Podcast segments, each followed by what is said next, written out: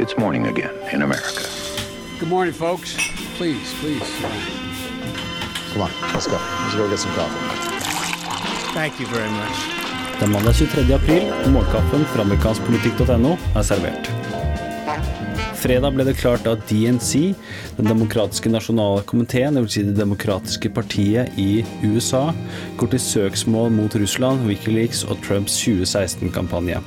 Og Det er da overlevert til en føderal domstol i Manhattan. og Bakgrunnen for dette søksmålet eh, er at disse tre partene da skal ha konspirert og utøvd uberettiget innflytelse over 2016-valget, som gikk utover demokratene og deres kandidat Hillary Clinton.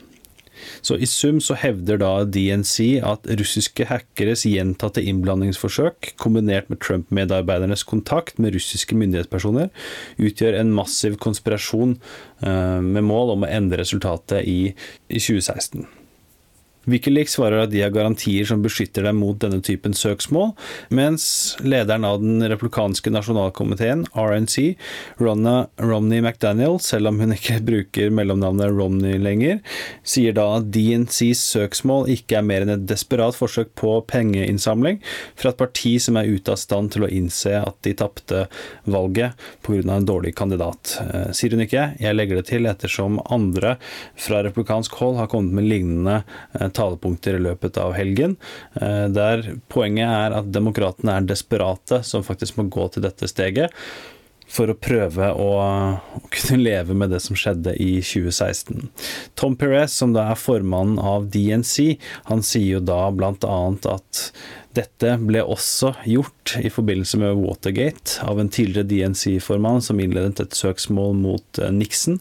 Eh, og han trekker da en sånn historisk linje for å måte underbygge hvor stort dette faktisk er. Uh, Gjenstår å se hva som kommer til å skje med det søksmålet her. Det er ikke alle demokrater som er like fornøyd med denne vinklingen, og at man skal bruke tid og penger på dette, framfor å se framover mot mellomvalget i 2018 for å prøve å vinne på en annen måte enn det her inkludert da Claire McCaskill, demokratisk senator fra Missouri, som er en av de som markerer sin skepsis til eh, dette forsøket. Helt til slutt, et lite boktips. Amy Chosiks 'Chasing Hillary' kommer ut denne uka her. Hun har da fulgt Hillary Clinton i to presidentvalgkamper, tett på, på full tid, eh, og vil da komme med ny informasjon om hva som egentlig skjedde på innsiden av Clinton-kampanjen i 2016 og i tiden etter. Hadde god tilgang og har mange fine og interessante beskrivelser fra innsiden, så det ser jeg virkelig fram til. Uansett, dagens utgave av Morgenkaffen er servert av Kim Kvale og under undertegnede Are Togflaten. Du leser mer om disse og andre saker på amerikanskpolitikk.no.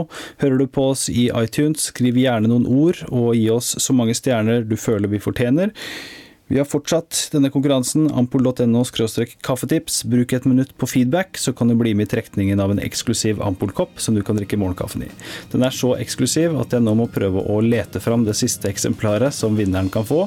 Hvis ikke så må vi bestille inn nye, og da vil det også bli mulig å kjøpe denne koppen i nettbutikken på amerikanskpolitikk.no. Hyggelig du hører på, og så snakkes vi i morgen.